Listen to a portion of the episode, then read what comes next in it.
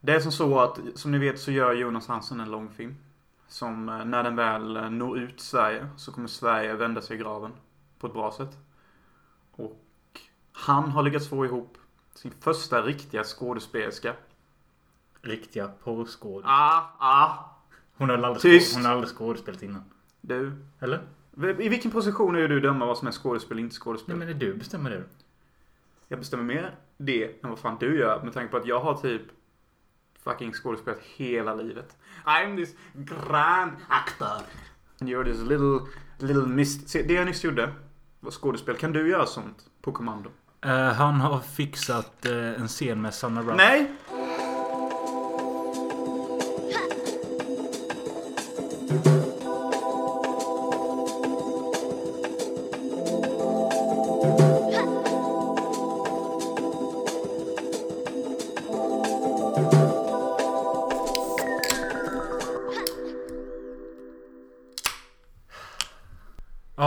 På Filmosofi podcast avsnitt 47 eller 48. Jag vet inte. Eh, förhoppningsvis bättre ljud och lite bättre struktur än förra avsnittet. Jag tycker det blir för jävla rörigt alltså. Ja, Har du lyssnat på det efteråt? förra avsnittet. Ja.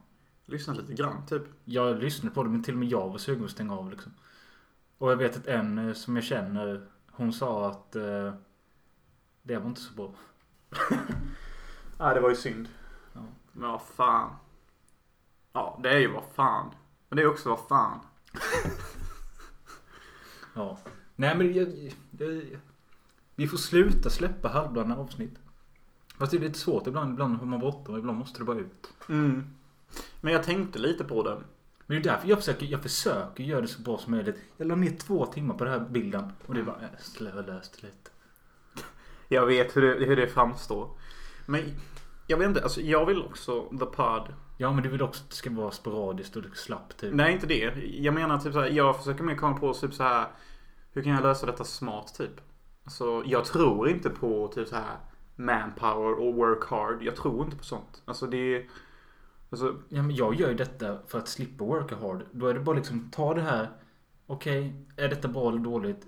Det är bra, okej då använder vi den grejen. ja. Eh, och sen så skrev jag ner 70 förslag på idéer och teman. Så jag tänkte att någonting av det här borde han gå med på.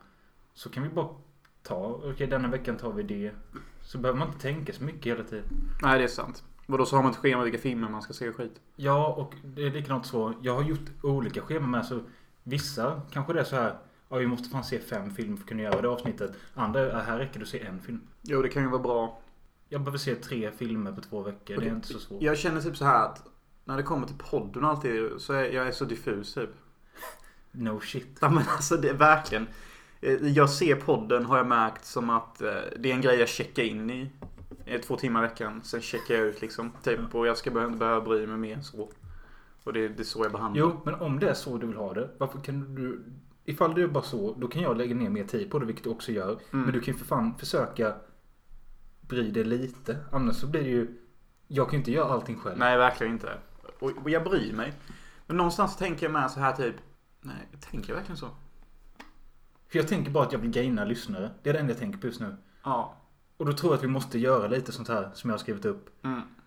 Men vi måste vara två. Jag kan skriva ner de här grejerna och vidarebefordra dem till dig. Men du måste ju Jag kan skådespela dem. Nej, men du måste åtminstone läsa det. Ja, ja. Och säga att det där suger. Eller det där Ja, så när du skickade ditt mindmap. Vill du att jag skulle läsa igenom allt Du vet, du skulle supa in det och tänka att okej, det är en bra poäng. Det där vet jag fan om jag vill. Okej, 70 förslag på teman. Ja, jag kan leta upp någonting som är kul. Ja. Nej, jag trodde du mest skrev det för din egen skull. Ja, det gjorde jag med för att få lite struktur. Men jag trodde du skulle må bra av det med. För det är ganska, det, det blir jobbigt så här om man skriver till varandra typ onsdag mitten av veckan. Man vet att man ska spela in på fredag och bara, eh, vad ska vi göra? Ja, det är, det är ju inte kul. Det är, vi, vi är strandade på, på ett skepp som flyter omkring någonstans. Vi är så dåliga med, för vet, om vi säger efter vi har spelat in detta att till varandra då off-podd att eh, ja, till nästa vecka vad ska vi göra då? Nej, vi kan väl se två filmer med Anne Hathaway. Ja, okej. Och sen typ ett onsdag igen så kommer någon och frågar vad, vad fan ska vi göra till den här veckan? Det är liksom bortblåst. Ja, det är fan sant. Nej, men jag vet inte, alltså jag behöver nog kanske någon som bestämmer det här. Typ. Alltså, jag går typ med på exakt vad som helst. Alltså typ hur som helst. Alltså, jag känner typ att du kanske är bättre lämpad att tänka ut vad som funkar och vad som gör. Och så bara är jag din lilla bitchboss. Som- Jo, jo, men för att vara bitchboss, bitchboss måste du läsa saker ibland. Okej. Det var där, jag gjorde ju det här dokumentet för det skulle vara så jävla klart allting. Och du vet att jag tycker om färger med så du gjorde alltid färg. Mm. Ja, det var ju fan snällt. Där stod det med understruket Skicka själarna till Christian Schill. Shit alltså. Men det var ju inte bara till dig utan det var så att vi båda ska komma ihåg det. Shit alltså. Och så skrev jag också, är det ens i podd? Jag vet inte men det är i podd.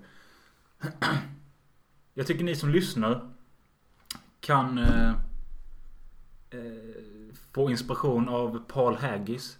Och då tänker de, vem fan är Paul Haggis?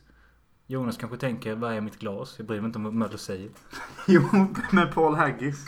Eh, Paul Haggis eh, ligger bakom filmer som Crash från 2005. Eh, Casino Royale. Eh, ja, någon annan som stor film. Jag tror han är screenwriter. Och han gick in och gillade Ice of the Sun-teasern. Ja, just det. Och jag menar, kan han gilla det så kan ni också gilla det. Gå in och gilla Sun på Instagram och Film och Sofie Podcast och Ah, allting. det är det här jag har tänkt på. Det är det här jag har tänkt på. Du vet det här när man säger till folk. Gå in och gilla, gå in och likea. Kolla vad jag har lagt ut, kolla vad jag gör här, kolla vad det är, bla bla bla bla bla. Är inte det ett väldigt typ så här. Ska man verkligen behöva göra så? Du menar att det ska komma automatiskt? Jag menar alltså om folk vill se en och folk vill lyssna på en och folk vill höra en. Kommer inte de automatiskt och Jo. bli ledda till en? Jo. Men det kan ju också vara så här att... Eh, vi säger att det är någon som lyssnar på detta för första gången och de vet inte... För det är ju lite efterblivet. Ja, okej. Jag tycker om Film och Sofie Podcast. Jag vill gilla dem på Facebook. Så söker de där Film och Sofie Podcast. Men vi dyker inte upp då för vi heter Hansen Möller där. You follow? I'm not sure. Nej, men jag menar att... Det skrev jag också i dokumentet ju. Jag skrev också att jag, jag, har skrivit ner ett litet script som vi spelar in. Och slänger vi in det i mitten av avsnittet så behöver vi aldrig mer nämna det i podden. Absolut, ja det kommer jag ihåg. Ja. Och så behöver vi inte hålla på och tjata om det för det är lite tråkigt. Men spelar man in samma hela tiden och den behövs vara så vi vet. Ta Arkivsamtal-podden. De ligger på... De, han har 100 000 lyssnare i veckan eller månaden eller något. Han hör ändå ut sig hela tiden. In och lys, lä, skriv och läs i... Jag tror jag tänker så här. Alltså jag förstår att det kan vara bra att hora ut sig. Jag förstår att det typ är nödvändigt. Men på någon nivå kan jag känna så här att Borde man inte bara fokusera på att vara bäst istället? Alltså rent artistiskt. Alltså borde man inte allt fokus ligga där snarare än att hora? Jo, men för att vara bäst så behöver man ha kemi när den ena människan läser vad den andra skriver. ja, men se, det är en fair fucking point. Det är det. Så slipper man liksom ha ett poddavsnitt där man diskuterar vad fan... Ja. Detta är typ sådär, vad kan man kalla detta? Schemapodden typ. Ja, schemapodden slash internpodden. Jo, men det är bra. Då har du fan rätt. Mm. Men Paul Haggis gillade alltså filmosofitisen. Vi är bara där. Eh, jag tänkte bara Paul Haggis, den bekant, gick in. och Är så- inte han Ringo Starrs lillebror? Nej. Och han hade en sån bock över sin eh, profil på Instagram. Vilket betyder att det är den officiella Paul Haggis. Och jag antar an anledningen till att han hittade the Sun-teasern är ju för att jag hashtaggade indiefilm. För det, när man gick in på honom så verkade det som att han verkligen... Han hade den här text typ bara Stop sending me your fucking scripts. Make your own fucking movie. Oh man. Oh man. Ja. Och så såg han min. Så att jag hade lyssnat på honom trots att jag inte ens visste vem det var. Och så likade han. Ja, det är mäktigt som fan. Det är det. Ja, det är ju mäktigt med tanke på att han är en av de största screenwriterna i Hollywood och han gillar din lilla teaser. Han gillar min lilla teaser. Låt mig bara ta in ögonblicket. De snackar ju om han i Entourage också. Så bara, Do you know who, who's gonna direct this movie? No. Paul Haggis. No, give me a break. Not Paul fucking Haggis man. Paul fucking Haggis bra. Det är lite så. And he's gonna stitch your fucking vodka idea up your ass. Because he doesn't like vodka.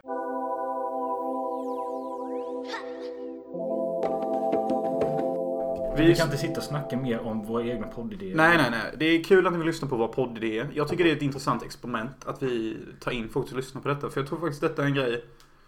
eh, Alltså jag vill någonstans tro där ute att alla människor planerar någonting eller vill komma någonstans. Och att de människor som väl liksom bestämmer sig för att göra det eller aktivt har försökt någon gång vet att dessa typer av möten är jävligt närvarande och låter typ så här. Ja. Känner jag. Så Jag tror vi är mer eh, disträ än vad andra poddare är. jag tror de flesta har ett bättre samarbete. eh, Rent... eh, Det handlar inte mer... Alltså det handlar ju mer om att vi bara... Säger vi någonting så borde vi göra det istället för att liksom säga någonting. Nej vi kan inte fortsätta tjata om detta nu. Nej. My God. Jaha, du såg ett mästerverk häromdagen. ja, Vad hette den? så är det nästverkar om någon verkligen. Apocalypse Now sa du. Ja just det, så om Apocalypse Now. Jag har sett den en gång. Och två, eh, två, tre gånger nu. tyckte den... Alltså jag hade absolut inget problem med den. Så jag förstår, den- alltså jag förstår storheten med den, vilket jag inte brukar göra med sådana hyllade filmer.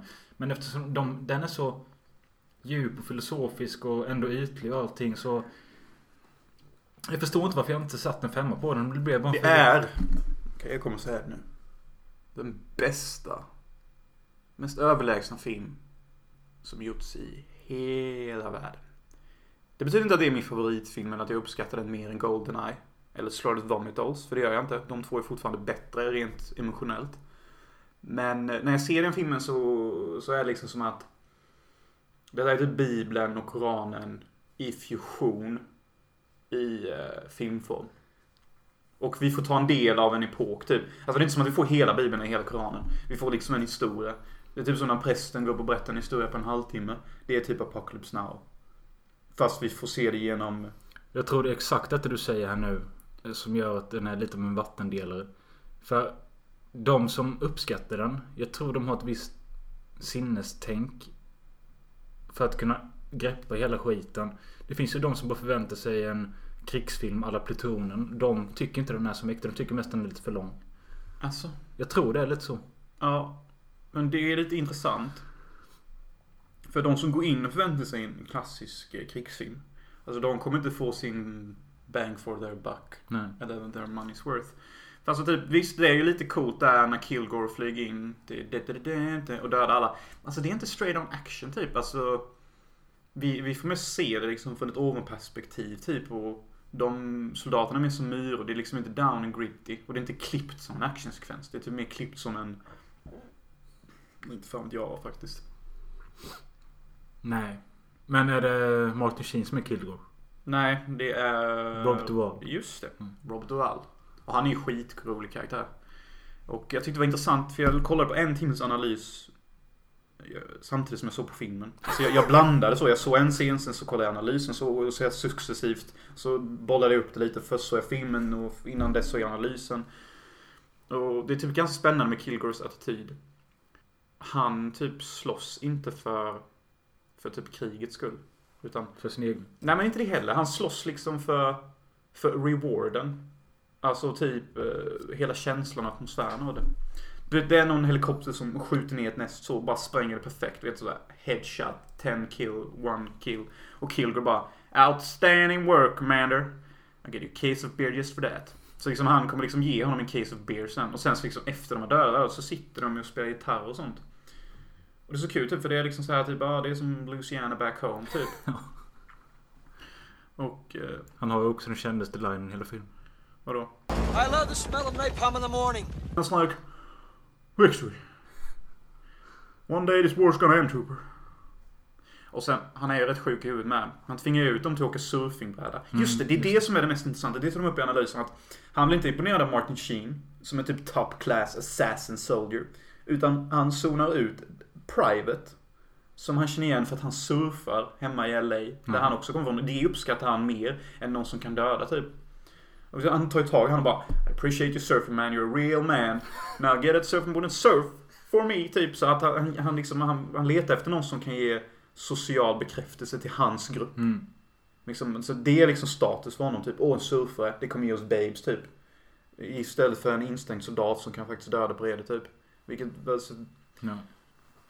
Så, sådana grejer tyckte jag var intressant som fan att de tog upp typ. Alltså jag vet inte om jag har någon poäng med det nu. Såg du Redux eller någon? Denna gången kollade jag Redux. Det gjorde också att jag hoppade lite i den för jag tycker Redux är helt jävla... Jag såg, har nog bara sett Redux tror Ja det.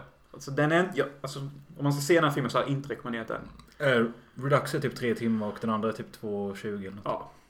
Ja. Och det, är, det som inte är med i den klipp är det här med Frankrike-folket. Det är det mesta utklippt. Det finns någon scen innan de kommer till det sista stället. Det sista stället är det mest intressanta. Det är då allt det som jävla LSD-tripp och Ja, just det. det är cirkustält och typ Mm. det flyger och typ alla är helt skeva typ. Och, Det är så jävla snyggt allting med. Så när han dyker upp under vattnet till eh, The, Door. The Doors-musiken och allting. Ja, det är... This is the end, beautiful friend. Ja, han har väl en kniv i munnen något va? När han kom upp, han har satt en machete längst ut Ja, på ett just det. träpinne typ. Jag tror fan, den är så djup den här filmen. Det är så intressant för typ, det handlar om hur Kurtz och Martin Sheens karaktär Willard inte låter sig påverkas av kriget och alla ytligheter.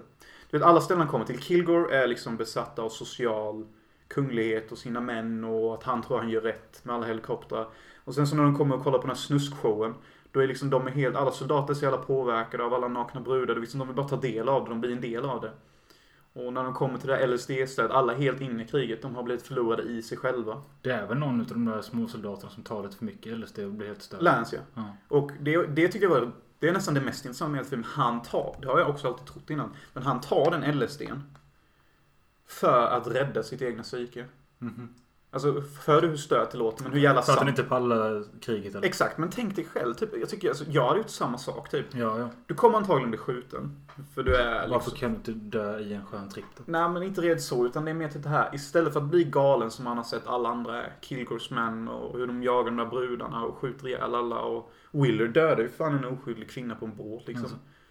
Alltså, det, sånt sätter sin spår. Så han tänker nog, om jag bara blir hur jävla väck som helst. Så kommer inte den här galenskapen komma åt mig.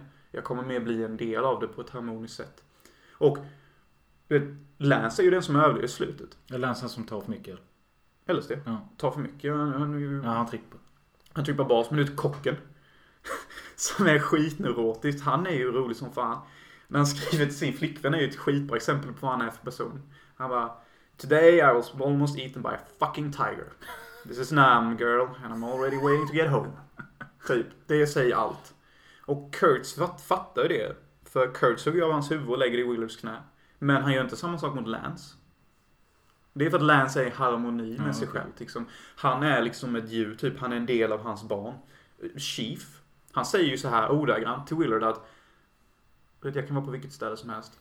Men om det är något ställe jag inte vill hamna på så är det här. För att han tror att om han dör där så kan hans själ inte ta sig härifrån på grund av all galenskap som det här. Men alltså jag har glömt en grej och en grej som jag funderar på. Vad gör Marlon Brando? Vad är han för något och vad fan gör han ute i djungeln? Han är en colonel. Alltså, jag vet inte vad det är på svenska. Överst, Men de ska leta upp honom eller? Alltså, det han har varit. Han har varit en jättestor asset till militären. Alltså han är liksom top of the line. You name it, han har gjort det. Och det som inte generalerna och de uppskattar back home. Det är att han har distanserat sig från lögnerna och ideologin. Som hans eh, högre chefer försöker enforca på det här kriget. Han kan inte längre förstå. Det är ett sånt litet och skitbra exempel. Varför man kan träna upp en soldat till att droppa napalm på folk. Men man får inte tillåta dem att skriva fuck på deras flygplan.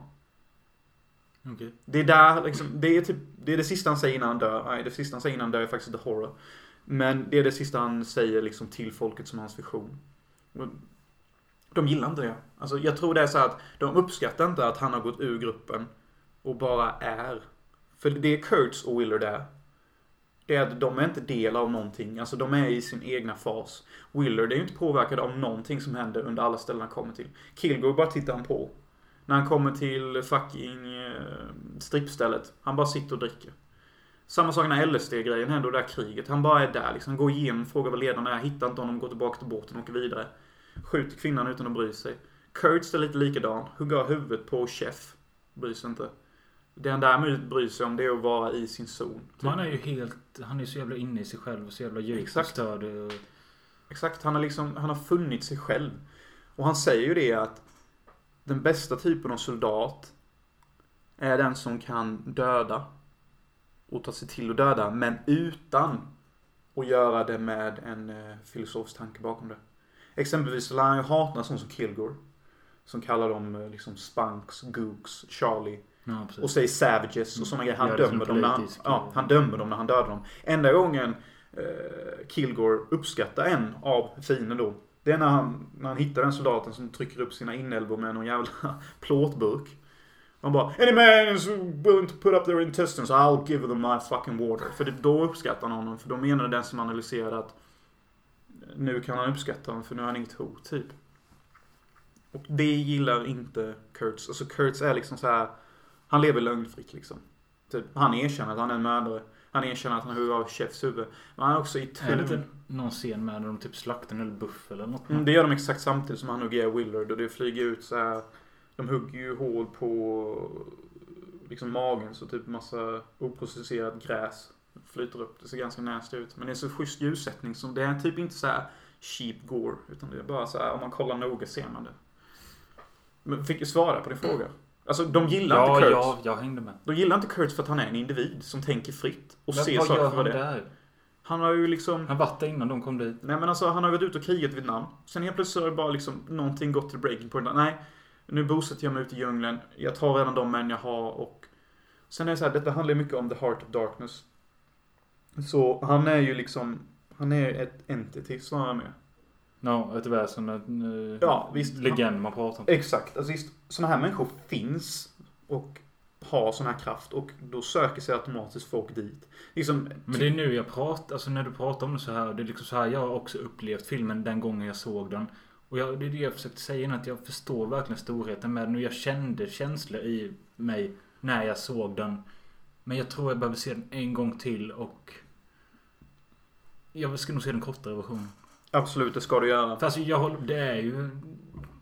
Kanske ett av de bästa ha- hantverken som gjorts men... Det är världens bästa film. Alltså jag, jag tyckte sen jag såg den. Alltså bara rent tekniskt och kanske vissa aspekter. Men inte emotionellt för mig. Och jag har alltid älskat början när han ligger på sitt rum och helikoptern snurrar. Han är helt väck på alkohol. Det är så hög relateringsförmåga. Och typ hur väck innan han är i sig själv. Han är i sin fucking zon typ. Och jag gillar det mycket med filmen. Det här med att vara i sin zon och inte låta sig påverkas av sin miljö typ. Det är väldigt få människor som inte gör det egentligen typ. Alltså det är bara att kolla, du vet. Bara ta det här som hände nu. Med den lastbilen som körde ner alla. Ska vi ens prata om det? Ja, vi kan ta upp det för att det är relaterbart till den här filmen och Okej. den analysen. Liksom, Okej, den här lastbilen kör ihjäl tre personer. Hur många i Stockholm har kopplingar rent emotionellt till de här tre personerna på riktigt? Det är ändå... Det är en del. Det kanske är 200 000. Får ta det hårt.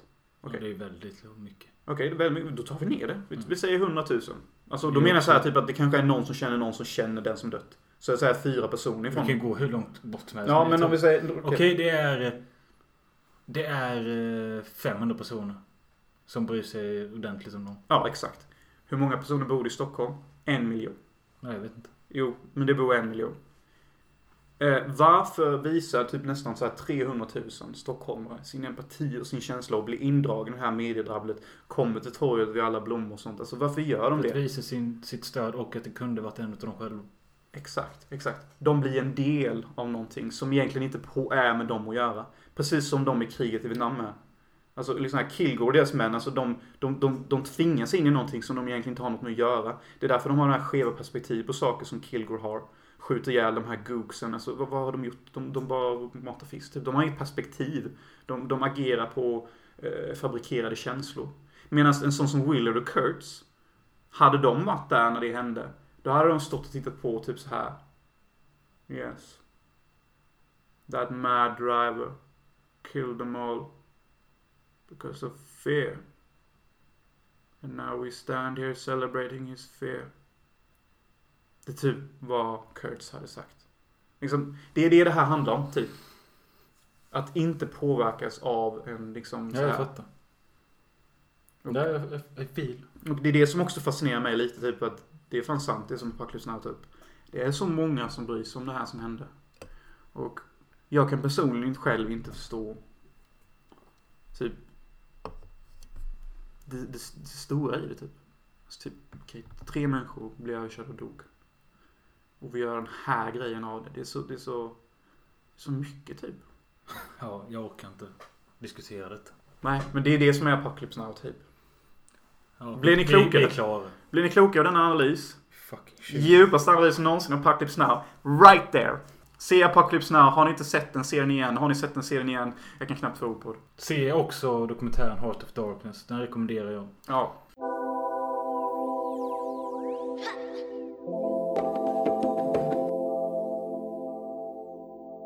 Skitsamma, jag tänker göra lite, jag kommer inte alls gå in så djupt på detta men jag har sett fem filmer, jag vet inte om jag kommer nämna alla men jag har några snabba tips och så.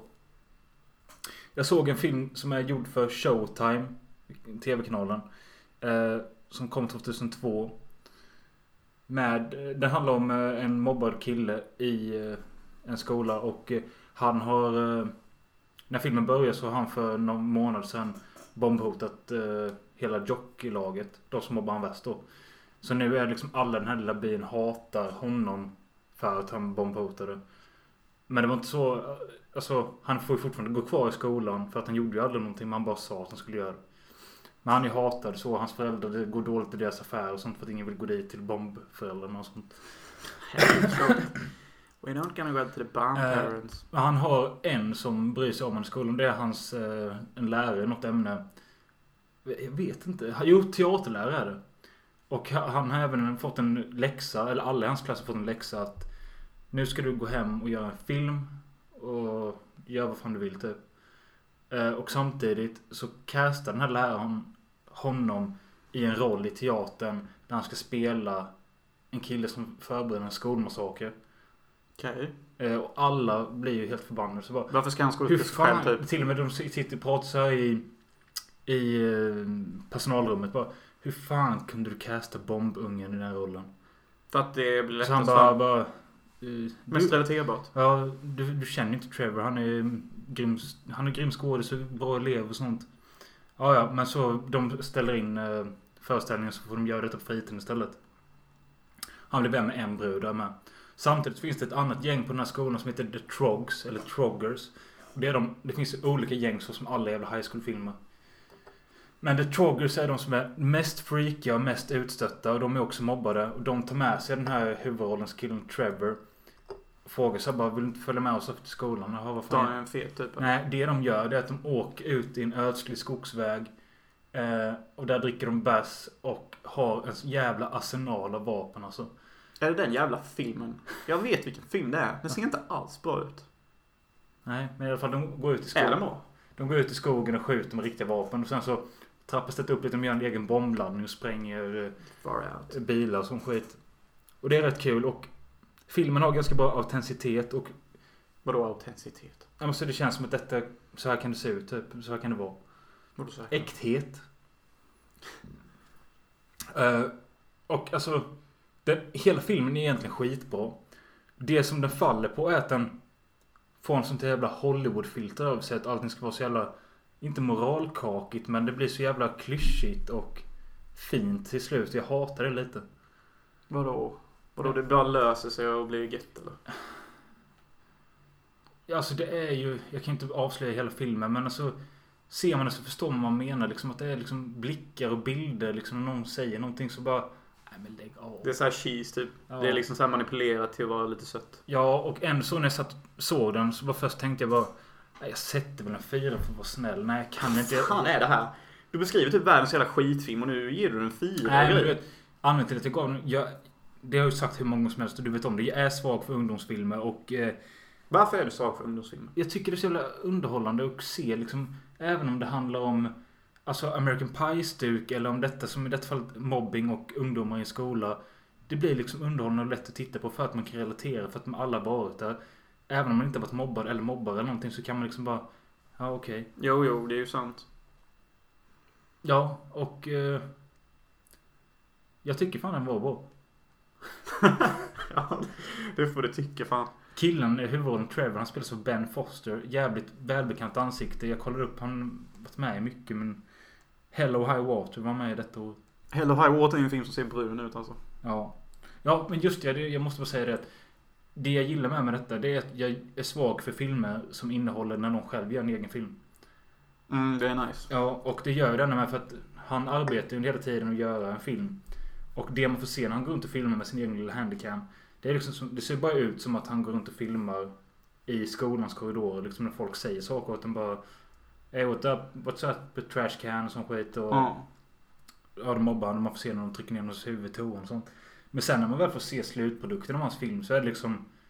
Det är häftigt. Det är cool film liksom. Nice. Folk, vadå tror folk tror Nej, men liksom, det är liksom, det är B men det är liksom... Han har filmat sig själv och så har han gjort en blur-effekt med någon jävla grej sitt ansikte. Kör runt i en bil typ och så svänger han in så blir det invert-effekter och skit också. Ohoho. Har han tagit en, sig själv och spelat en annan kille och satt på sig samma nummer som den jocken han mest hatar har ett nummer på sin fotbollströja. Skrivit det med en penna på ryggen då. Mhm. Och eh, så ska han trycka ner honom i en tunna då. eh, Med gasolin i och så skjuter han en pistol typ. Och det är coolt. Ja, det låter fan fett. Eh, nej men jag kan rekommendera en annan film också. Det är ett, Ska du rekommendera film hela dagen eller? ja, du satt och pratade i 25 minuter. På. Du var delaktig. Jo, jag vill rekommendera en ny film också som kom 2016. Där alla medlemmar, både framför och bakom kameran, var bara tjejer. Förutom en kille i filmen. The Thing. Gender Swap. Som kommer 2018. Baby I'm gonna watch it. Är det den eller? Nej, det är Below Her Mouth. En lesbisk film. En lesbisk film. Är det bara kvinnor denna? Alla bakom kameran, det är en kille i filmen. Symbolik. Men eh, huvudrollen spelas som en svensk tjej, det visste jag inte. Hanna Alström. Erika Linder. Nästan. Modell som har ett väldigt androgynt utseende. Eh, Ett ord jag inte förstår. Vad betyder Hon det? ser både manlig och kvinnlig ut. Hon ser, ja, Damn. ja. Eh, Could be a first ever that Möller pulls a word I don't know. eh, hon eh, arbetar som takläggare med massa som manliga män typ som bara oh, bitches. Ja. Det är typ tradigt. Hon är ju typ polare med dem med. Alltså hon ser så är det lite... Hon är inte butchflat om man är så här pojkflicka typ. Mm. Hon sitter och torkar sin svett och vet inte. Mm. Och så hon är rålebb och det vet alla om. Och hon spenderar kvällarna med supa och ligga runt med andra tjejer. Så kommer det en tjej. råläbb då? Ja hon är det. Hon är vad Filmen, filmen börjar med en sexscen. Eh, och 70 på, Ja alltså. Hon råläbben träffar en tjej som är tillsammans med en kille. Men hon den här eh, straighta tjejen går till en lebbar med sin kompis bara för en kul grej. Hon träffar den här tjejen, de inleder ett förhållande. Sen knullar de 70% av filmen. Eh, det är knull hela tiden. Är detta en sexploitation eller? Ja, typ. Alltså det är strap-on och det är... Ja, jag vet inte. Men eh, filmen, som jag sa, det är, Jag hade velat ha något lite mer än bara knull. Det gör inte ont att titta på. Men det gjorde ont för henne eller? Nej, de har det nog nice. Det var ju någon som skrev det, det line jag skrev till dig. Eh, typ a cinematic... Eh, Orgasm. nej. A cinematic tribute to the female orgasm eller något sånt. Ja, är det det då? Men alltså är det liksom... Ja, alltså det handlar mycket om... Det handlar inte om njutning men det är ju det de uppnår när de knullar hela tiden. Eh, den, vill man se tjejer som håller på och knulla så kan man se den. Annars så är det rätt standarddrama om någon som inte vet om man är straight eller gay eller... Ja, jag vet. Sånt är lite sådär kan jag känna. Ja, fast det är inte riktigt... Hon vet ju förresten att hon vill vara med den andra bruden. Det är bara det att hon vet inte hur hon ska öppna upp detta för alla andra typ. Ja. Alltså det kan ju vara bra. Alltså jag vill egentligen inte dissa någon typ av handling. Egentligen. För att det handlar bara om hur man utför det. Ja. Eh, men Erika Linder, jag vet inte vad jag ska säga om henne. Men ja, svensk var. En snabb till här. Where the day takes you. Från, Vad är det för skit du ser? från 91. Svenska titeln är Lära för livet. Här följer vi ett gäng missbrukande...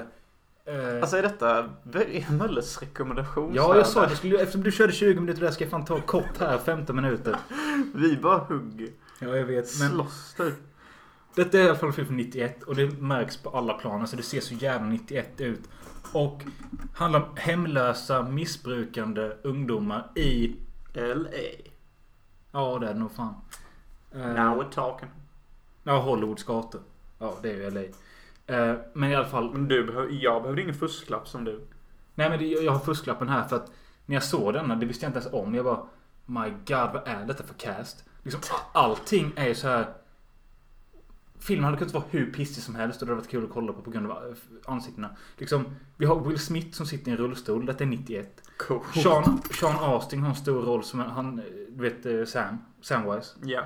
Han är ju den som inte kan sluta ta droger. Han måste ta mer och mer hela tiden. nice. Kyle MacLachlan. Ohoho. Han spelar Sean Austins drug pusher och han försöker få in honom på heroin hela tiden. Fan, Han är kul. hur sliskig som helst. Eh, Larry Flynn Boyle, alltså Donna i Twin Peaks, har en roll som den snygga tjejen i gänget. Ja, hur går det till? Det, det går rätt bra. Vi har uh, Baltasar Getty som in, man känner verkligen igen när man ser han. Eh, Ricky Lake. Vet man ju alla vem det är. Nej, inte jag faktiskt. Hon hade ju en egen show och allting. Eh, Christian Slater. Ja, det vet man vem det är. Alyssa Milano. Det är... eh, eh, ja, jag vet inte men alltså det var det. Filmen i sig var ju bra men det mest var roligt att se alla de här up and coming starsen ihop som ett jävla knarkgäng. Ja, faktiskt kul. Eh, När jag ser sådana filmer får det nästan till att tänka mig att eh, det är sjukt när man ser de som har castat, de måste ju varit genier. Typ, ja, jag har någonting till. Ja, men exakt. De som har castat och sett det här har ju verkligen typ förstått att de är stjärnor typ. På något sätt. Alltså, för jag kan inte känna mig att någon av dem kommer vara dålig typ i filmen. Den enda jag inte kände igen var huvudrollen. Det är ju alltså han som hade mest screen time. Han hette Dermot Mulroney. Han var väl helt okej, men det var roligt. Så ironiskt typ. Ja, faktiskt. Eh, men inget speciell, ingen speciell film. Casten var speciell. Eh, se den för den anledningen. Ja. Men alltså, ja. Har du någon djupare analys typ? Nej, vad fan handlar om missbrukande uteliggare? Vad fan finns det att säga typ? Och titeln Where the day takes you. För det handlar mycket sexuellt. Wherever the day takes me. Ja, för det handlar om han huvudrollen. Det är hans eh, så... Alla, han ska leva efter det. Typ ja, vem fan bryr sig om morddagen? Just go where the day takes you. Det är lite som Leonardo DiCaprio i Ti- Ti- Titanic. När han sitter där bland de rika. Så bara... Han menar såhär... Appreciate every day for what it is. Last night I was scraping butter from the gutter. Now I'm sitting here with all you wonderful people. Mm. Här har vi en lite intressant, intressant grej. Plattformproduktion. Det är Ruben Östlunds bolag. Eh, eller filmföretag eller vad fan det heter. Eh, de har släppt en kortfilm som släppts eh, på SVT Play. Och finns att se på Dreamfilm. Finns lite överallt. Och har gått på filmfestivaler. Den är 14 minuter lång. Heter Fight on a Swedish Beach. beach. Den är filmad exakt som Ruben Östlunds filmar. Så bara en kamera som iakttar. Eh, och den följer dagen på en strand. De filmar en barnfamilj, ett pensionärsgäng och ett ungdomsgäng som sitter och super och eh, är allmänt störiga. Och så hoppar det mellan de här tre grejerna hela tiden tills de här jävla ungdomarna snor en glassgubbe från en kiosk och sitter och heilar hela tiden och skriker sig heil.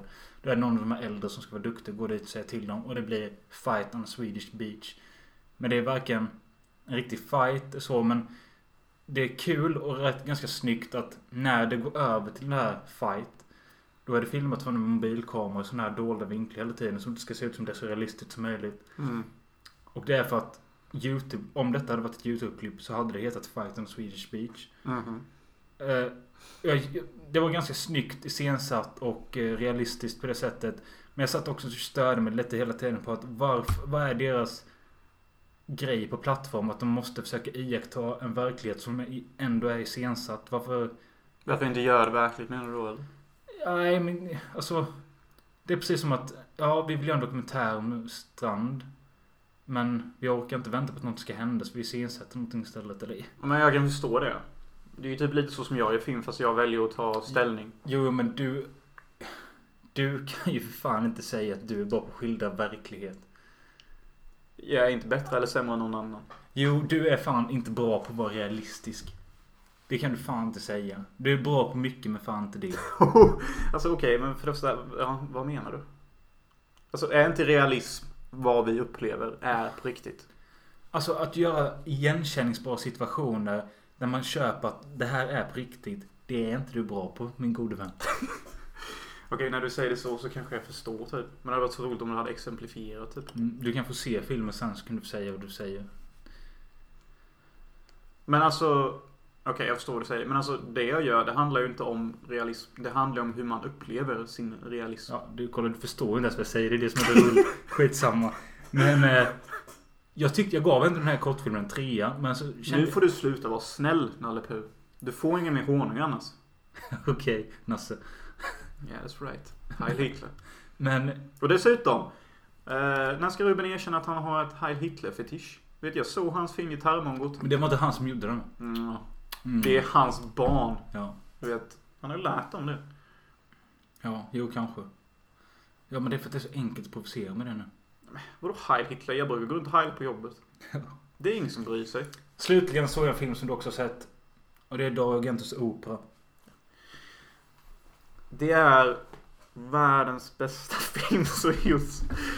Och jag menar inte emotionellt utan jag menar bara... Nej jag skojar. Den är skitgrym. Vad tycker du? Eh, till en början, jag, hörde, jag visste att du hade praisat den ju. Mm. Jag sögt av. Jag såg innan jag hade sett den här sett 13 eller 14 Argento-filmer. Jag vet inte varför jag väntat på denna. När det är hans bästa. Men när den börjar då. Alltså den första kvarten, 20 minuter. Bara, Nej, det här går inte. Jag, Vad är det som händer då? Det är bara massa jävla operasnack och operamusik och operavrål och operabrudar. Är inte det tajta brudar och snygga vinklar? Det, det är kanske mycket möjligt där. Sen kommer det snygga vinklar och grejer. Men det här början är så jävla tråkigt för att musiken med operan och det är fan outhärdlig. Jag hatar opera kommer på. Men har inte han lagt till rocksträngar och försökt göra det till en MTV-show? det kommer sen. Men efter de här 20 minuterna, när man kommer in lite i filmen. Då är jag liksom... Jag gillar vår huvudkaraktär och jag... Jag gillar ju regissören med. Han är ju nice. Ja, den han, som, blonda killen. han som har gått från musikvideos till opera. Ja. Och det märks på hans opera för Ja. att det ser ut som en iscensatt musikvideo Ja. typ. Vilket är skitintressant. Ja. Jo, han var kul. Filmen överlag, alltså jag har inte direkt någonting att klaga på. Det kanske är den filmen med... Ja, i alla fall några av de bästa morden i hans filmer. Och det är rätt blodigt och... Eh, det är, Återigen, det är ju ingen Argento-film utan en malplacerad rocklåt. Nej, och det tänkte jag på första gången det kom. Jag bara... Gör han det igen? Mhm. Ja. Men det blir ju ingen... Och så, nej, så tänkte jag så här att... Det funkade så här i några sekunder. Så tänkte jag bara låt, låt dem inte börja sjunga nu i låten. Så bara Run to the hills. Ja, Typ. Alltså det första var inte den låten. Jag vet, jag vet. Jag bara, alltså vad fan tänker du med din gubbjävel? Men du vet när jag såg det och det var den senaste Argento jag såg. Då tänkte jag så här. Nej men vet du vad? Jag gillar det nu. För att detta utmärker ändå han som regissör. Typ det här som man stör sig på hos honom. Så därför typ är det fint på något Det konstigt finns ju sätt. en gång i slutet med... Ja just ja. Filmen har typ tre slut. Ja. Vil- Vilket jag tyckte var bra. Alltså jag tyckte det var skönt. Okej det är inte slut än. Jag kan kolla en stund till. Ja faktiskt. Eh, men det passar när de lägger på några hårdrocksriff när hon springer ute på ängen i slutet och blir jagad. Då passar det jävligt bra. Men ja, så länge de inte sjunger så går det med... dut- det, fun- det är typ hit and miss med mest miss faktiskt. Ja. Men eh, det finns många skitsnygga grejer i denna. Och det finns ett eh, instrumentalt theme som kommer då och då. Lite för sällan enligt mig. Men det är skitbra. Eh, men hellre den malplacerade hårdrocken än den här skrikjävla operan. För det är så jävla tråkigt var inte det bra? Och sen, jag blev lite trött med på allt kraxande jävla kråkhelveten. Vadå kråkor låter så? Jag vet. Men alltså. Det fanns i första mordet när de har spärrat upp hennes ögon med den ikoniska scenen och hon har nålar under ögonen. Ja. Eh, så mördar de en kille framför hennes ögon. Och det är rätt slafsigt. när det- kommer jävligt mycket blod och det gillade jag. Det är ganska ovanligt att döda en man med i sådana här filmer. Ja, faktiskt. Eh, likadant det här, du vet, de skjuter i pistolhålet. Det är avsnitt. Ja, asbra. Exakt. Och där kommer min punkt. För du får alltid påstå att vapen inte hör hemma i alla filmer. Men fan var det inte hur jävla nice som helst där? Jo, men det används ju på ett speciellt sätt. Exakt. Och tror du inte det kan användas fler gånger då? Och det är ju Darja Nicolodi som blir mördad. Dario Argentos fru vid tillfället. Ja, det är hon som är med i... eh, Chock. Ja, det också. Deep Red. Ja, Inferno. ja just det. Just det. Fenomeno. Ja, det också. Fan. Han gillade sin fru eller? Ja, fast han skiljer de sig. Fan vad ni Jag tänkte på det med när jag såg den här så bara... Vad fan gör agenten nu för tiden? Alltså han har ju varit ett skämt de senaste... Han gjorde den där Dracula som jag var någon vet. jävla snuskfilm. Rutger Hauer eller något. Och det är bara knull och CGI och jag vet fan. Ja, alltså. Men nu så är då. Nu har han ju ett projekt på gång på IMDB. eh, The Sandman. Eh, Och då CGI Sand. jag vet inte men. Bara, aha, I rollerna Iggy Pop. Han är liksom 70 år gammal hårdrockare. Nice. Och jag kollar upp Agenten med. Han är fan 78. Alltså han kommer inte palla trycket. Typ. Don't judge a bird by Jag, the bara, ja, jag tyckte Opov. Det är topp tre av Agentos filmer. Och den är liksom sådär snudde på en fyra. Jag vet inte om jag ska ge den en fyra eller inte. Men Okej, du kan vara snäll mot en jävla ungdomsdrama men när det kommer till en gammal mans uh, hederverk. Då, han var inte så gammal då. Nej, men... Okej, den får väl en fyra då. Nej, du ju Du har skrivit snudd på en stark jävla fyra. Du skrivit. Har jag det? Ja. Ja, men det är det också. Jag ogillar dock slutet, hur hon bara tittar på när regissören dör. Fan, ingen Ja, det är ju... Vad fan väntar han på det? Jag tror hon är i chock. Ja. Antagligen.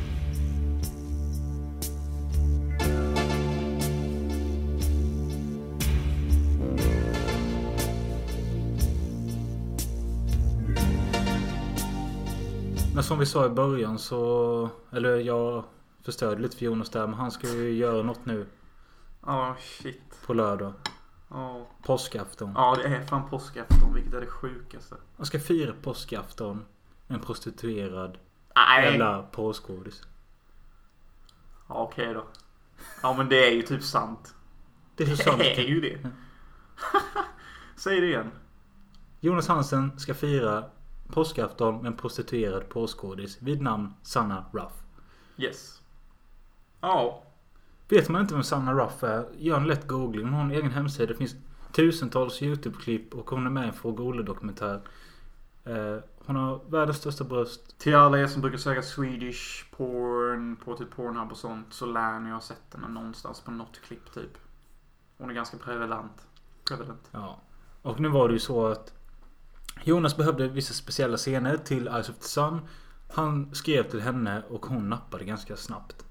Ja, så skulle man kunna säga, jag frågade typ så här om hon var intresserad av att göra en film. Eh, Bara en kort roll och sen så, ja det kan vara kul och så berättade jag lite om scenen. Vilket involverar att jag... Men du behöver inte berätta så mycket om själva scenen. Du berättar mer vad du, vad du känner inför att göra detta. Ja, fan. Det är två dagar kvar. Bra, bra. Du ville att jag skulle följa med och filma. Jag kommer troligtvis inte göra det. Du kommer inte det? Nej. Nej. Hur jag känner? Mm, jag känner så här... På ett sätt vågar jag inte heller lämna det själv. Fan, det är en once in a lifetime grej. Jo men jag känner också som att jag typ sviker det eftersom du frågade mig. Men jag vet inte fan alltså. Vad är det som trycker? Va? Det är mycket som trycker. Min blåser just nu trycker. Jag tror det är rädsla. Och rädsla är faktiskt exakt vad jag känner. Jag känner en bra typ av rädsla. Jag känner så här att det är typ mitt öde att göra detta. Och att jag måste göra det för att ta mitt eh, regi och mitt filmande till nästa nivå. Med tanke på hur mycket jag tjatar och pratar om eh, att det ska vara realistiskt och att man måste raise the bar. Och att det måste vara äkta. och Att man måste liksom så här trycka gränserna och göra film. Då är ju detta liksom som ett test på att, ja ah, okej Jonas. Alltså du måste göra detta. För annars så äter du bara upp dina egna ord typ. Och det handlar inte om att jag måste göra det för att bevisa mina egna ord. Utan jag måste göra det för att jag måste bevisa för mig att detta är någonting jag kan vara lugn med. Och cool med. Så att när jag väl blir andra skådisar och gör detta som inte jag är med i. Så kan jag säga att jag kommer inte be dig göra någonting som jag inte hade gjort själv. Och jag kan verkligen mena det. Ja. Jag försöker egentligen bara tänka på hur jag ska spela in och hur jag ska ta det. Det jag är nervös över. Det är kanske att eh, liksom jag ska vara nervös. Alltså jag är nervös över att vara nervös kanske. Typ jag tror. Men det sjuka är att jag känner ändå någon slags lugn ro. Typ jag får en bra känsla av det här. Och eh, under alla processer jag haft av att göra den här filmen så brukar jag veta typ att eh, när jag får en dålig känsla så brukar det bli en dålig inspelning och så tvärtom typ. Så det är mig ändå lite så här. Ja men då kommer det nog gå bra för du har en bra känsla typ. Det är lite så instinktivt och mystiskt men det är så jag känner. Ja, jag tror det kommer gå bra. Jag tror med det kommer bra. Och det sjuka är att jag Med tanke på att hon verkar vara så jävla lattjo med det så... Ja, hon, det senaste hon skrev nu var eh, Vad kul. Eh, jag ser verkligen fram emot det här. Jag gillar intressanta, annorlunda konstprojekt. Eh, hon vet faktiskt vad allt är och hur jag beskrev filmen. För hon frågar ju vad är det konstnärliga syftet med filmen. Alltså, man kan se det som ett moralstund, typ. Eh, det finns riktiga stuntmän där ute. Som liksom hoppar från berg eller gör en snygg Det är väl mer att du ska utmana dig själva samt utmana tittarna i Sverige. Typ hur mycket man pallar typ. Ja men exakt. Eh, Det är en moralstunt. Alltså istället för att hoppa från ett berg. Så gör man någonting som är moraliskt ifrågasättbart och det blir ett stunt i sig. Liksom så här, är det okej att heila för en film? Är det okej att ta en joint och heila? Är det okej att dra en riktig lina koks samtidigt som man ger någon annan en smäll? Typ, alltså det är moralstund för mig och mycket av filmen handlar om det. Det kan ju också bara ses som provocerande jävla smörja till slut men det... Vissa som inte, alltså Vissa som är fast i vissa system kommer tänka så här. Men en sån som Kurtz i Apocalypse Now kommer ju tänka så här att Okej, han kanske är sin egna son typ. Den här killen kanske är intressant typ. Han kanske ser det på ett annat sätt. Det är det jag vill med filmen med. Alltså, jag vet att min lärare, min lärare hade gymnasiet och sånt. Och vissa andra människor, de kommer ju bara säga så här. Jonas, du, du är en fitta, du är ett äckel typ. Du gör det för att provocera. Det är allt de ser. Men det säger mer om dem än vad det säger om mig. Eh, om de bara ser det som provokativ smörja. Hur utvecklade är de då egentligen? Kan de inte se förbi? Jo. Men alltså jag tänker hela tiden på liksom så här filmer som nu räknas som klassiker släpps på Blu-ray-utgåvor. Cannibal Holocaust och sånt skit. Alltså liksom det vi hatat en del kommer nu släpper de specialutgåvor. Ja men exakt. Ibland så behöver bara folk vänja sig vid någonting. Var det det du menade? Ja men mer liksom att det kanske är sån här film som får låta ta tid. Nej men ta typ A Serbian film. Det är ju ingenting på riktigt men den blir omtalad runt hela världen på grund av att någon nästan knullat barn typ. Mm. Nej men så det jag alltid känner inför Sanna. Eh, vad fan vet vem hur hon är? Jag tror jag kommer bli lite så här chockad när jag ser henne. För hon, alltså, jag tänkte på alla kändisar jag träffat med liv. Man blir lite chockad varje gång man ser dem. För de är oftast mindre än vad de ser ut på skärmen. Och eh, deras aura är fortfarande lika prevalent. Typ. Kan vi inte utlova till nästa vecka att en summering av mötet samt att du ska ta en eh, behind the scenes bild med dig och henne. Ja, en behind the scenes får det bli. Jag tänker att när jag satt upp den kameravinkeln jag har så sätter jag mig bara jämte Sanna och så bara, ja, nu kollar vi in kameran och så... Mm. så gör vi något. Eh, Jag kan... på din kuk i munnen. Så eh, kanske jag kan få henne till att säga någonting också som jag kan ta med i podden typ.